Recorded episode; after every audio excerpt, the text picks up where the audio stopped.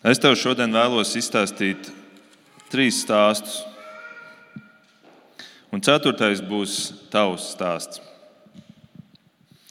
Ja tu šodien aizbrauktu uz Betlēmi un apmeklētu tur Jēzus dzimšanai veltīto baznīciņu, ļoti, ļoti iespējams, kāds no vietējiem gidiem tev izstāstītu apbrīnojamu stāstu par to, ka 2000 gadus atpakaļ Betlēmas ganiem parādījās eņģelis, par ko mēs jau arī lasījām šodien ievadā no Lūkas evanģēlīja otrās nodaļas. Bet šajā eņģeļa vēstī ir atrodama kāda apslēpta detaļa, kāds noslēpums. Un eh, šī detaļa ir meklējama pantā, kur es jums vēlos vēlreiz nolasīt. Tas ir Lūkas otrās nodaļas 12. pants. Jums, es domāju, arī uz ekrāna būs redzami šie lasītie panti. Jā. Tātad eņģēlis saka ganiem: Redzi, jums šī zīme, jūs atradīsiet bērniņu, autos ietītu un silē gulošu. Iespējams, mēs katru gadu adventa laikā lasām šos skaistos vārdus Un pārskrienam tiem pāri, nemaz nepadomājot, kādēļ eņģelis šo sauc par zīmi. Atcerieties, Jāņa evanģēlijā, kuram mēs gājām un joprojām ejam cauri. Mēs diezgan daudz esam runājuši par zīmēm un par to, kāds uzdevums ir zīmei. Zīmei uzdevums ir norādīt uz kaut ko, parasti uz kādu garīgu realitāti. Un šajā eņģeļa dotajā zīmē ir iekļautas divas pazīmes. Pirmkārt, ka bērns būs autostīts, un otrkārt, silē gulošs. Un tad šie Betlēmas gidi tev atklātu šo noslēpumu. Proti, ka tolaik Jeruzalemes tempļa upurēšanai novēlētie jēri tika ietīti autos uzreiz pēc dzimšanas, lai saglabātu tos neskartus, un tad viņi tika guldīti silē.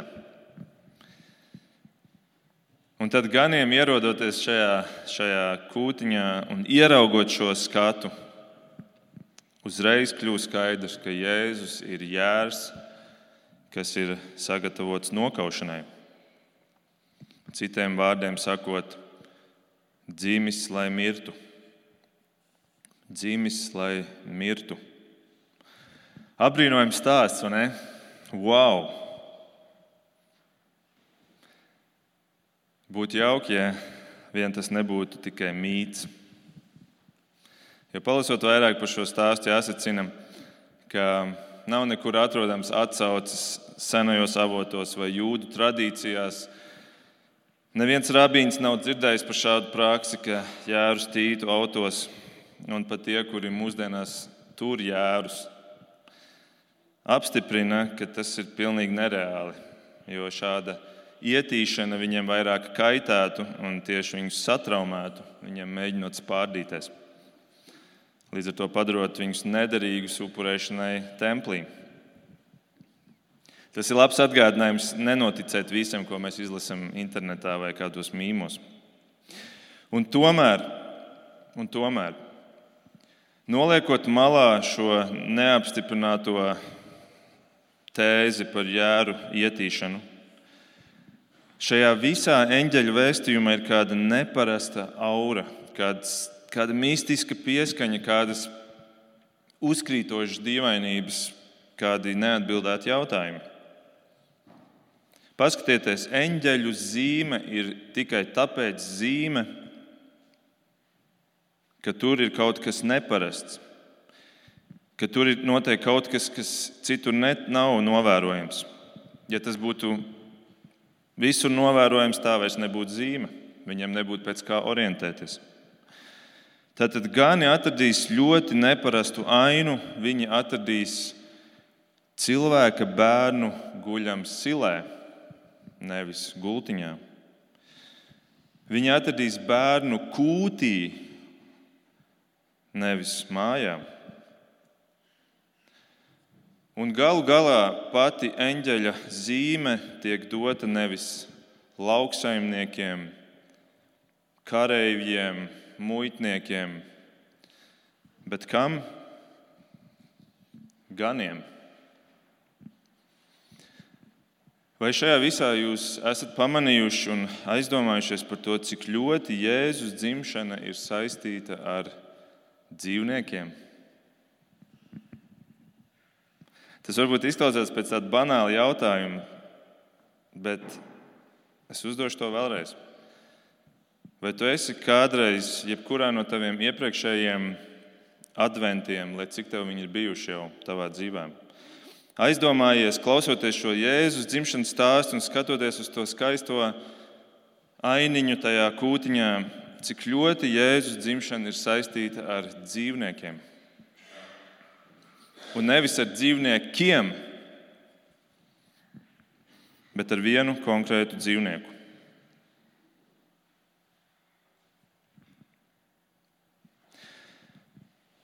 Tas mūs no pirmā stāsta par ganiem, par ganiem, par ganiem aizved 19 gadsimtus atpakaļ pagātnē. Tātad gandrīz tikpat tālu atpakaļ no Jēzus dzimšanas, kā mēs esam uz priekšu, 19, 20 gadsimti. 19 gadsimts atpakaļ no Jēzus dzimšanas uz 1900. gadu pirms Kristus kad piedzima puisis vārdā Īzaks. Tas ir mūsu otrais stāsts šodien. Īzaks. Lai saprastu, kādēļ Jēzus piedzima tādos apstākļos Betlēmē, mums jāatgriežas pie stāsta par Īzaku, bet, lai saprastu Īzaka stāstu, mums ir jāatgriežas pavisam atpakaļ ēdenē. Un es tagad lasīšu jums daudzas raksturvietas, būs vairāk nekā parasti. Kā jūs sekojat līdzi ekrānā un, un mēģiniet um, kopīgi ar mani iztaigāt cauri šai, šai pasaules vēsturē, kādu dievs to ir radījis, atklājis līdz mēs nonāksim atpakaļ kūtiņā Betlēmē. Dievs radīja pasauli, viņš tajā ieliek cilvēku un tam atklāja, ka viņš var darīt visu, tikai nevienu lietu, proti, nevar ēst no laba un ļauna atzīšanas koka. Un čūskas formā dieva padzītais kritušais eņģelis, Sātans, kārdina ievu, un mēs zinām, ieva tomēr pakļaujās šim kārdinājumam un ēd no šī koka. Notiek grēkā krišana. Un tad Dievs uzreiz pēc tam saka šādus vārdus čūskai, 1. mūzes 1.15. Dievs to saka čūskai, Sātanam. Es celšu ienaidu starp tevi un sievu, starp tavu pēcnācēju un viņas pēcnācēju. Viņš tev sadragās galvu, bet tu viņam sadzelsi papēdi. Redziet, Dievs jau pašā pirmajā Bībeles grāmatā, pirmajā grāmatā, pirmā mūzes, jau dod risinājumu cilvēka izraisītai problēmai. Cilvēks bija tas, kurš izvēlējās pagriezt muguru dievam, neklausīt dievam.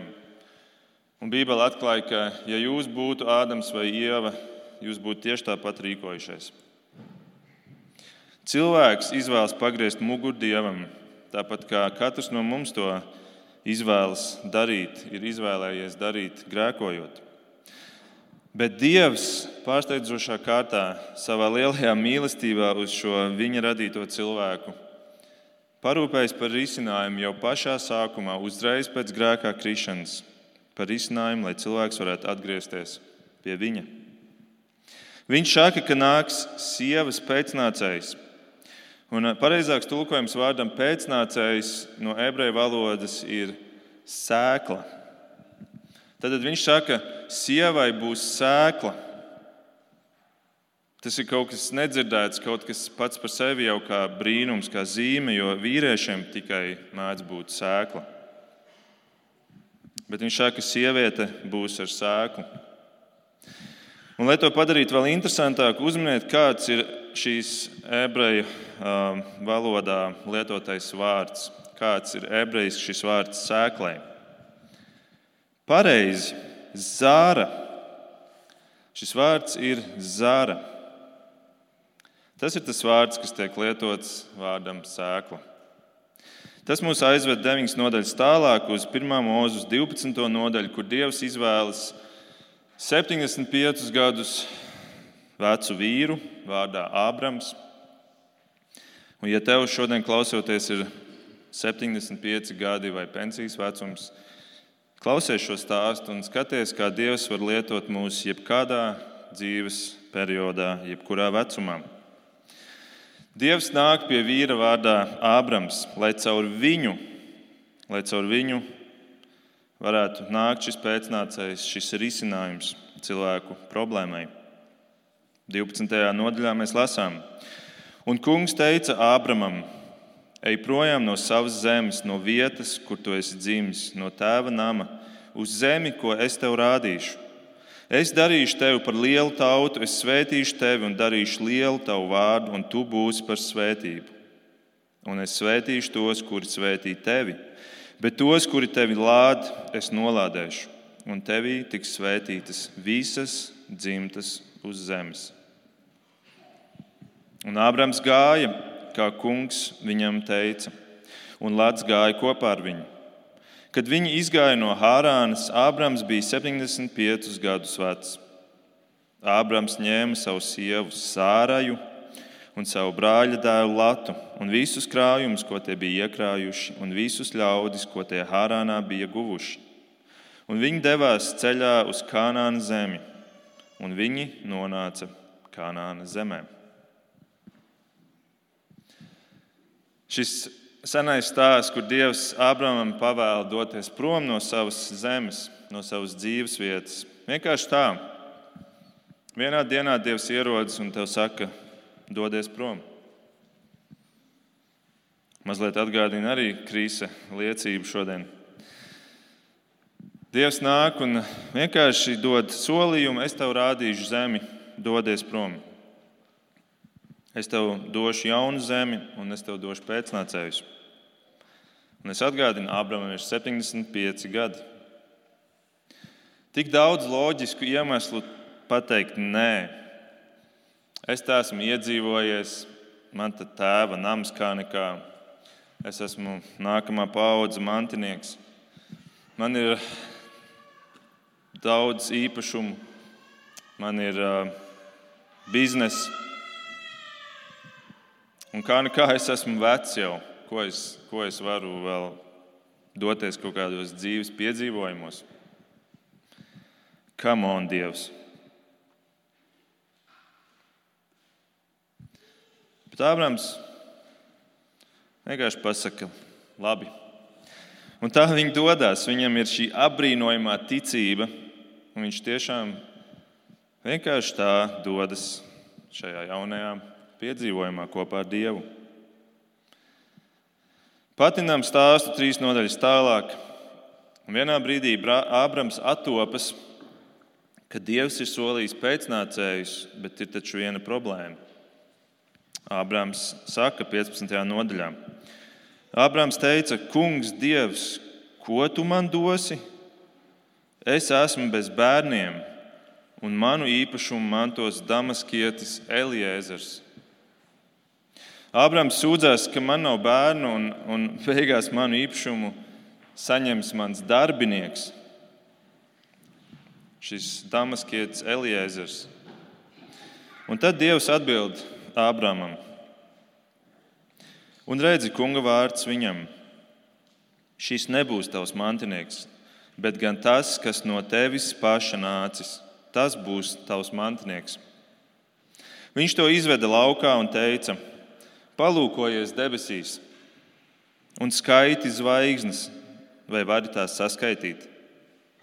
Un viņš tam teica: Tik tev būs pēcnācēji.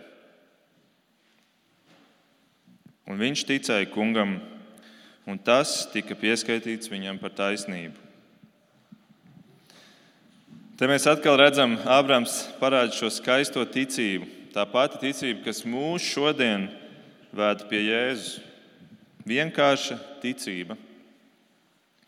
Un tomēr arī šādai ticībai mēdz būt lūzuma brīži. Mēs redzam, ka nākamajā nodaļā, kur ir teikts, ka 16. nodaļas 1. pantā, ka Sāraja Ābrāma sieva nevarēja viņam dzemdēt.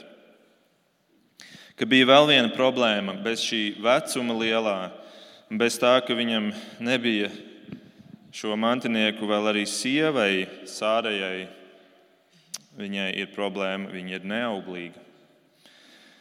Un tādēļ Sārai izdomā, palīdzēsim Dievam. Palīdzēsim ar tādiem instrumentiem, kādi mums ir pieejami cilvēkiem. Mēģināsim cilvēciski šo risināt, jo Dievs ir kaut ko tur apsolījis, tas ir pārāk abstrakti. Mēģināsim dabūt konkrētību šajā Dieva solījumā. Un Sārai ierosina Ābramam iet pie viņu kalpones, Hāgars, pārgulēt ar viņu Un tas viss arī notiek. Un viņiem piedzimst dēls Išmails. Išmails. Un starp citu, šis grēka sānsolis Izrēlu vēl šodien izsako. Jo Išmails kļūst par arābu tēvu. Un šodienas palestīniešu konflikts ir konflikts starp Išmailu un, Iz, un, un Īzaku. Šie tie paši Išmaili pēcnācēji. Un šis grēks turpina dzīvot no paudzes paudzēm līdz šai dienai. Un, starp citu, tāpēc arī tās pēdējās sarunas, kas bija starp Izraēlu un Palestīniešu, tika sauktas par Ābrahāma akordiem, jo viņiem ir šis vienotais tēvs, Ābrahāms. Bet atgriežamies pie šodienas mūsu stāsta. Kā Dievs reaģēja uz šo sānsoli?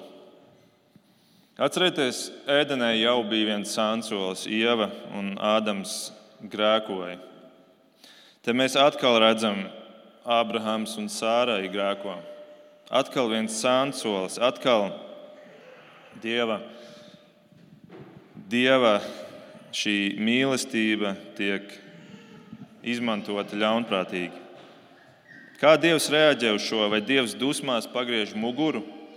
sakot, nu, vienreiz es varēju jums piedot, bet šis jau ir par daudz. Mēs redzam, nē, Dievs tāds nav. Viņš ir uzticīgs līdz galam. Vēl vairāk, tas, kas seko pēc tam, ir kaut kas apbrīnojams, jo divas nodaļas vēlāk šis pats Dievs, Bībelē saka, apciemo personīgi Ābrāmu un Sāru. 18. nodaļā mēs varam lasīt. Kungs viņam, Abrahamam, parādījās pie mamras ozoliem. Viņš sēdēja telts ejā, kā jau dienas karstumā. Viņš pacēla savus acis, paskatījās un redzi, tur priekšā stāvēja trīs vīri, un viņš tos ieraudzīja, skrēja tiem pretī no telcējas un klanījās līdz zemē. Viņš sacīja: Mans kungs, kaut ķēlis gūtu tavu vēlību, nepai garām savam kalpam. Dievs nāk kā viens no šiem trim vīriem pie Ābrahāma un Sāras. Arī Sārajai šajā brīdī ir jau nomainīts vārds no Sāraja uz Sāra. Ābramam ir nomainīts vārds uz Ābrahams. Atcerieties vārds Sāra. Un tā nu mēs lasām tālāk no 9. No 9. panta. Viņi tātad tur ēd kopīgi, viņiem ir mīlestības, un tad no 9. panta tālāk. Un tie viņam teica, tātad šie trīs vīri saka, kur ir tava sieva Sāra? Viņš teica, redzi, teltī. Tad viens teica, es noteikti atkal nākšu pie tevis ap pavasara laiku, un redzi, tavai sievai Sārai būs dēls. Bet Sāra klausījās telts ejā, tā bija viņam aizmugurē. Ābrahāms un Sāra bija jau paveci gados, un Sārai vairs nenotika, kā sievām mēdz notikt. Un Sāra smējās pie sevis: Kad esmu jau veca, man vēl būs tīksme, un mans kungs arī ir vecs. Un kungs teica Ābrahamam: Kādēļ Sāra smējās, sacīdama, vai tad patiesi es dzemdēšu? Es taču esmu par vecu. Vai kungam ir kas neiespējams? Noliktajā laikā tev un Sārai ap pavasara laiku būs dēls. būs dēls. Dievs apstiprina, ka viņš dos apsolījuma dēlu. Viņiem jau ir šis dēls Išmēls, bet tas nav apsolījuma dēls. Un arī šī neauglība un šis lielais vecums vairs nav šķērslis. Un uzticamais Dievs tik tiešām gadu vēlāk dara to, ko viņš ir solījis. 21. nodaļā mēs lasām tālāk. Un kungs pievērsās Sārai, kā viņš bija teicis, un kungs darīja Sārai, kā bija teicis. Sāra kļuva grūta, un Sāra dzemdēja Ābrahamam vecumā dēlu. Tajā laikā, par kuru Dievs bija runājis. Un Ābrahāms nosauca savu dēlu, kas viņam bija piedzimis, ko viņam bija dzemdējusi Sāra par īzaku. Lūk, īzaks. Tā viņš kā apsolītais dēls piedzima. Caur dieva pieskārienu neauglīgai sievietei, pie tam lielā vecumā. Un atkal mēs redzam, ka ne viss šeit notiek bez savām grūtībām. Tālāk ir teikts, Ābrahāms bija simts gadus vecs, kad viņam piedzima dēls Īzaks. Un Cāra teica, Dievs man devis smieklus. Ik viens, kas to dzirdējis, nu smiesies par mani, nu smiesies ar mani. Un viņi sacīja, kurš būtu teicis Ābrahamam, Sāra vēl zīdīs dēlus, bet es viņam dzemdēju dēlu vecumā. Bērns auga un tika atšķirts no krūts un dienā, kad viņu atšķīra Ābrahāms, sarīkoja lielas dzīves. Un Sāra redzēja, ka eģiptietis Hāgars dēls, tātad Išmaels, kuru tā bija dzemdējusi Ābrahamam, smejas. Un viņa teica Ābrahamam: Paturiet šo kalponi kopā ar viņas dēlu, jo šīs kalpones dēls nemantos kopā ar manu dēlu Īzaku. Bet Ābrahamam tas visai nepatika, jo tas bija viņa dēls. Un Dievs teica Abrahamam: Nebēdā par zēnu un savu kalponi, klausi visam, ko saka Sāra. Tavi pēcnācēji nāks no Īzaka. No Īzaka. Tad Dievs šeit atgādina, ka Īzaks ir tas apsolījuma dēls. Īzaks ir tas vienīgais dēls, kas ir nācis no Sāras, no Sāras, šīs sievietes ar sēklu. Sārs vienīgais dēls. Un tad seko viena no baisākajām nodaļām visā Bībelē - 1. mūzus 22. Un es vēlos nolasīt visu šo pilno stāstu, jo tas ir tik būtisks, tik būtisks, lai saprastu, kādēļ Jēzus piedzima tajos apstākļos, kādos viņš piedzima Betlēmē. Un kādēļ viņš ir dzimis, lai mirtu. Kādēļ viņš Ziemassvētkos ir dzimis, lai mirtu? Vienkārši turpiniet klausīties. 1. mūzes 22. Pēc tam Dievs pārbaudīja Ābrahāmu un viņam teica: Ābrahām, un tas sacīja: Es te, starp citu, cik skaisti atbildi, Jūs varat paklausīties vēl, cik bieži Ābrahāms saka, es te. Viņš ir tas, kurš parāda, es esmu pieejams, es klausos tevī, Dievs. Un viņš teica, ņem nu savu dēlu, savu vienīgo, kuru tu mīli, īzaku, ej uz Morijas zemi un upurē viņu tur kā sadedzināmo upuri uz kalna, kur es tev teikšu. Wow! Wow, kas par, kas par pavēli no Dieva? Kāda ir Abrahama reakcija?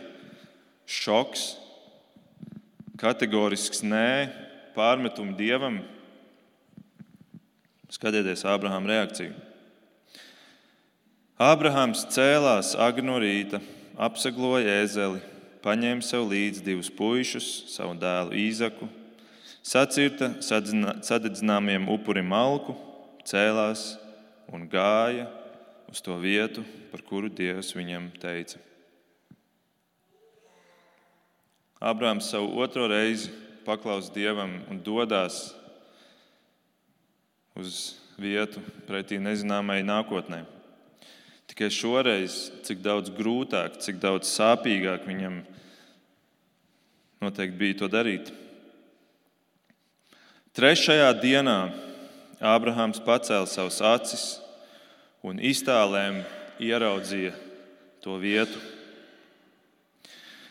Un Ābrāms teica saviem puišiem: Palieciet šeit ar ēzeli, bet mēs ar zēnu iesim līdz turienei, pielūgsim un tad atgriezīsimies pie jums. Un Ābrahams ņēma upurmalku, uzkrāva savam dēlam Īzakam. Pats ņēma uguni un nazi, un viņi gāja abi kopā. Un Īzaks teica savam tēvam Ābrahamam: Mans, tēv, mans tēvs, un viņš teica: Es te, mans dēls. Un tas sacīja: Re, uguns un malka, bet kur ir jērs sadedzināmajam upurim?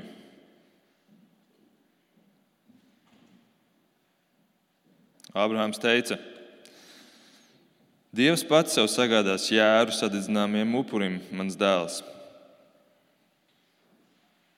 Un viņi abi kopā gāja. Un viņi nonāca tajā vietā, par kuru Dievs viņiem bija teicis. Un Ābrahāms tur uzcēla altāri, sakārtoja malku, sasēja savu dēlu Īzaku un nolika viņu uz altāra virs malkas. Ābrahāms izstiepa savu roku, ņēma nazi, lai nokautu savu dēlu.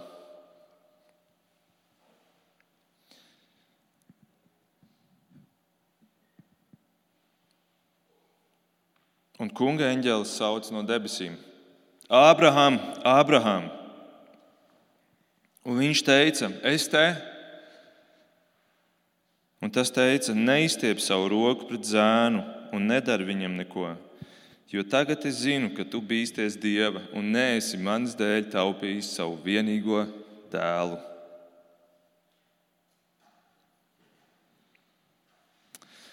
Ābrāms pacēla savas acis, paskatījās un redzi, aiz muguras krūmos ar ragiem aizķēries auns. Un Ābrahams gāja, paņēma aunu un upurēja to par sadedzināmo upuri sava dēla vietā. To vietu Ābrahams nosauca vārdā Kungs gādās. Par to vēl šodien saka, kungs kalnā, tik, kunga kalnā tiks gādāts. Un kunga eņģēlis sauca no debesīm uz Ābrahāmu otrais un sacīja: Es esmu pie sevis zvērējis, saka kungs, tāpēc, ka tu tā darīji un netaupīji savu dēlu, savu vienīgo. Tāpēc es tevi svētīt, svētīšu un tavus pēcnācējus es vairot vairošu kā debesu zvaigznes un kā smiltis, kas jūras malā. Un tavi pēcnācēji iemantos savu ienaidnieku vārtus, un tavos pēcnācējos tiks svētītas visas zemes tautas, jo tu klausīji manai balsī.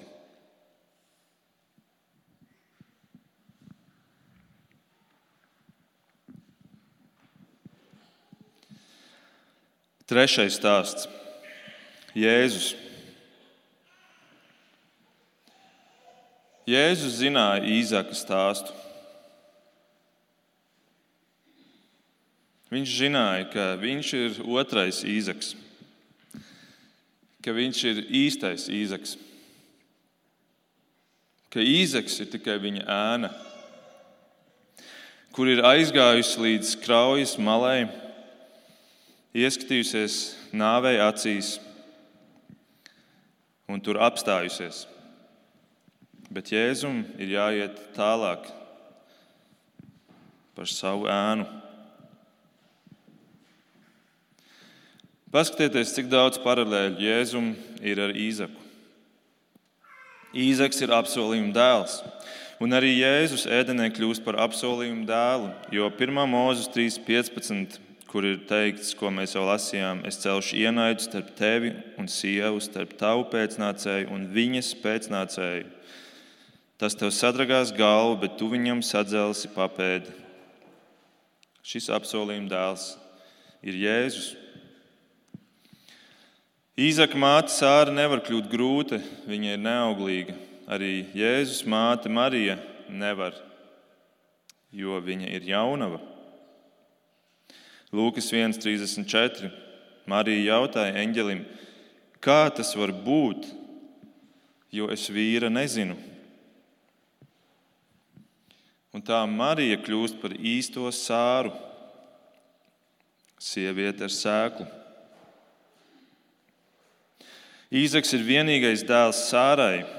Jēzus ir vienpiedzimušais dēls savam tēvam. Jāņa 3.16. Jo Dievs tā pasauli mīlēja, ka deva savu vienpiedzimušo dēlu, lai ik viens, kas viņam tic, nepazustu, bet tam būtu mūžīgā dzīvība. Īzaka dēļ sāru izsmeja, Jēzus dēļ Marijai tiek celta neslava. Mateja 1,19. Viņas vīrs Jāzeps, būdams taisns un negribēdams viņai celt neslavu, gribēja no tās slēpu šķirties. Jāzeps bija tas, kurš negribēja celt neslavu, kura tika celta no visu pārējo apkārtējo vidus. Jo Marija nebija precējusies, un viņa jau gaida bērnu. Īzaks dodas trīs dienu nāves gājienā.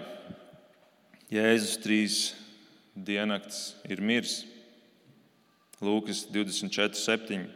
Cilvēka dēlam jātiek nodotam grēcīgu cilvēku rokās un krustā sistam, un trešajā dienā jāceļas no mirušajiem.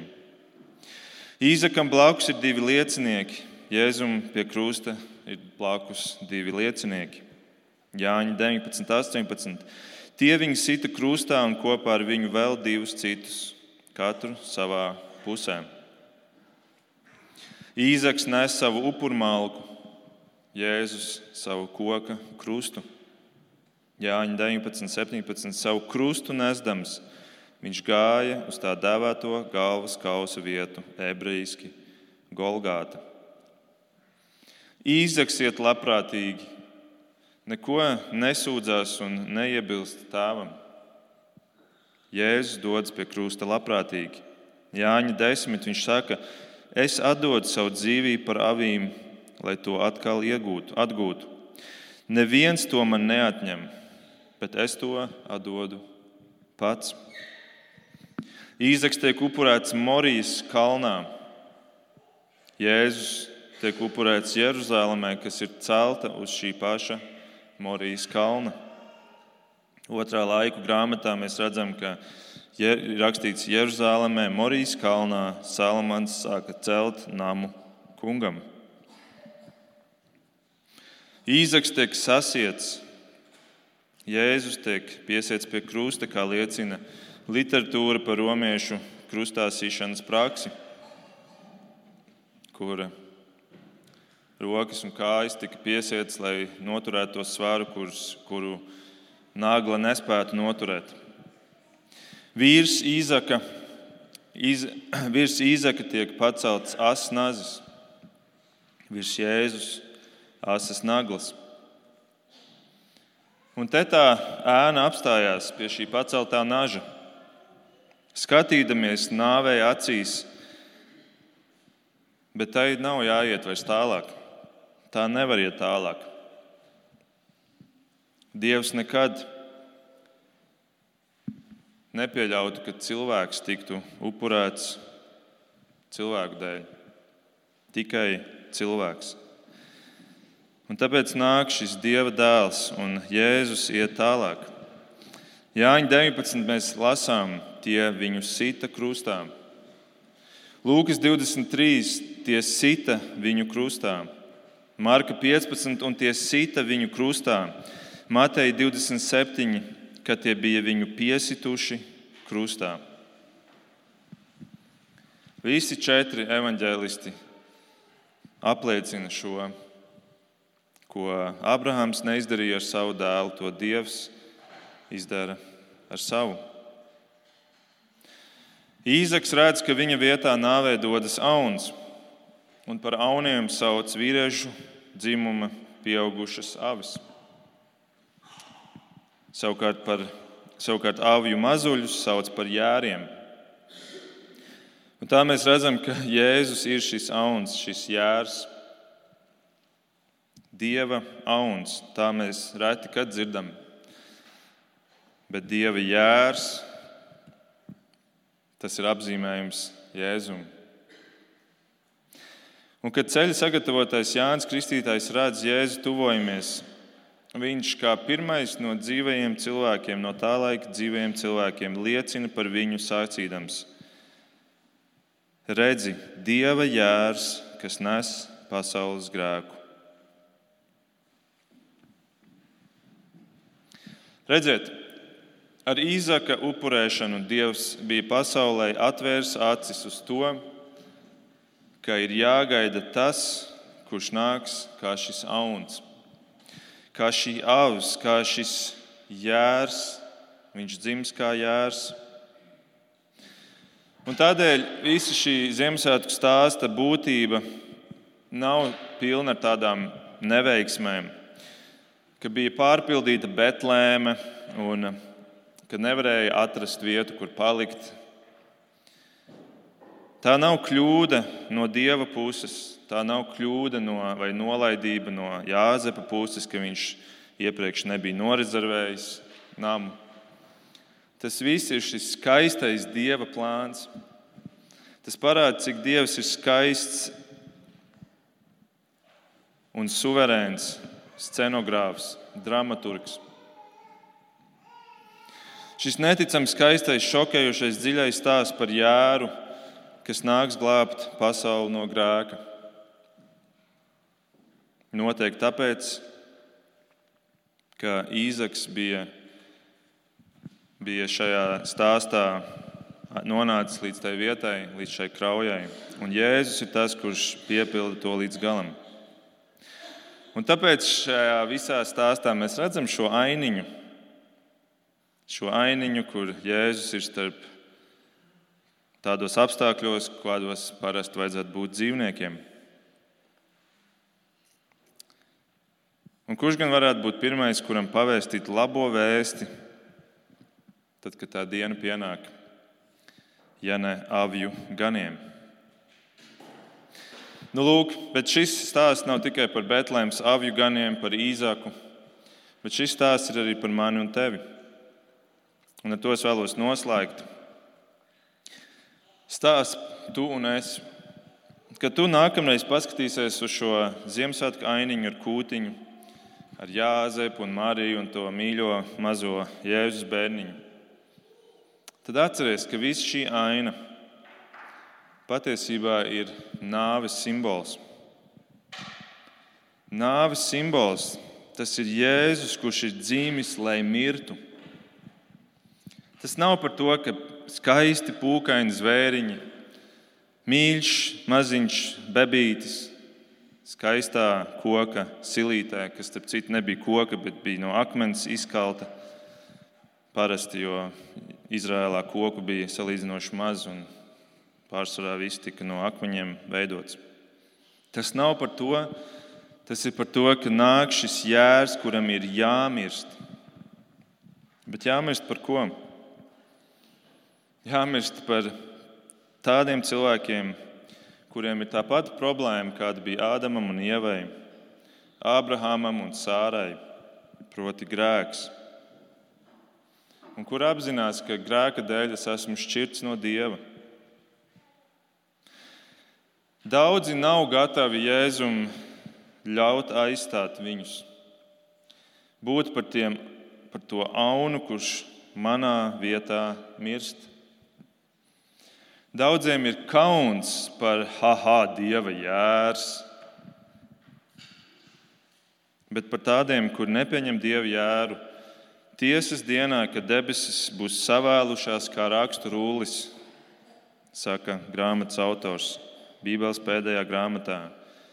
Par šādiem cilvēkiem tiek atklāta šāda aina, paklausieties, atklāsmes grāmata 6. Tad zemes ķēniņi un augstmaņi un karavadoņi un bagātnieki un varenie, ik viens vergs un brīvais, paslēpās alās un klintu, kalnu klintīs, un viņi sauca uz kalniem un klintīm. Krītiet pār mums un apslēpiet mūs no tā vaiga, kas sēž tronī, un no jēra dusmām. Par, vi, par viņiem ir nākusi lielā dusmu diena, un kurš tajā var pastāvēt? Atbildi ir neviens. Neviens, kurš ir atteicies no šī jēra, lai šis jērs kļūtu par vietnieku viņu pašu nāvei. Šis nevainīgais jēriņš, kas dzimis Betlēmas kūtiņā, šis mazais Jēzus, būs pasaules tiesātājs, iedvešot šausmas visiem, kuri tiesas dienā būs ieradušies ar saviem grēkiem, lieguši dieva jēram, samaksāt par tiem. Bet Bībele ir stāsts ar laimīgām beigām. Tiem, kuri ir jāra pusēm. Un es vēlos nolasīt šodienai pēdējo raksturvietu atklāsmes grāmatas 12. nodaļu. Un tur ir tā. Tad es dzirdēju skaļu balsi debesīs. Ir nākusi pestīšana, mūsu Dieva spēks un valstība un viņa Kristus vara, jo ir nomests mūsu brāļu apsūdzētājs, kas apsūdzēja tos mūsu Dieva priekšā dienām un naktīm Viņi uzvarēja to ar jēra asinīm un savas liecības vārdiem.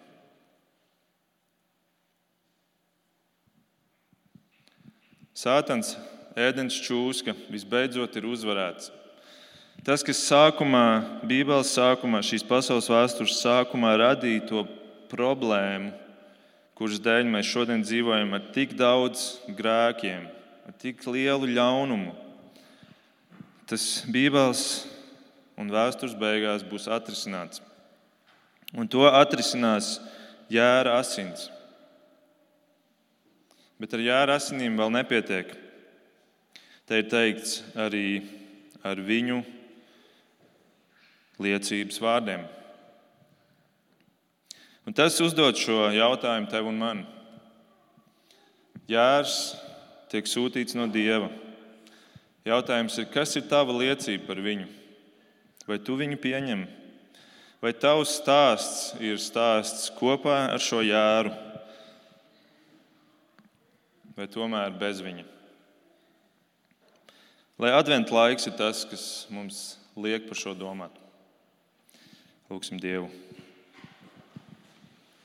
Debes Tēvs, paldies, ka Tu labais Tēvs esi Tik daudzas reizes, šodien mēs redzējām divas, bet šo reizi ir neskaitām daudz, kurās tev būtu bijusi iespēja pagriezties prom no mums, grēciniekiem, kuri tev atkal un atkal griežam muguru, kuri atkal un atkal pārkāpja to, ko tu mums esi teicis.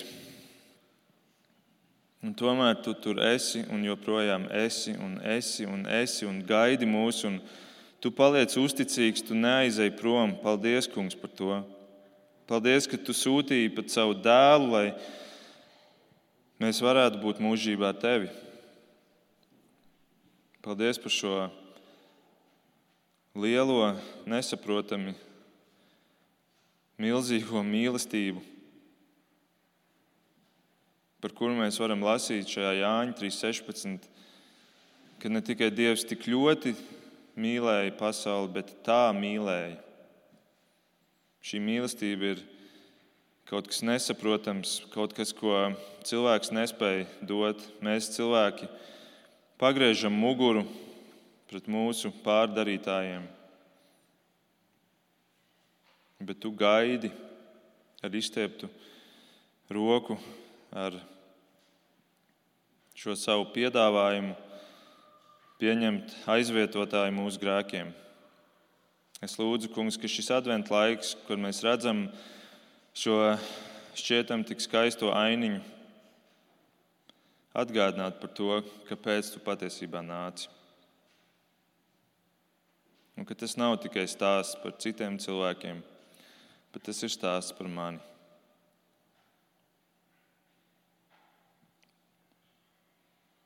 Lūdzu, svētī mūs katru, ka šis adventu laiks varētu ļaut mums sagaidīt tevi. To es lūdzu Jēzus vārdā. Āmen.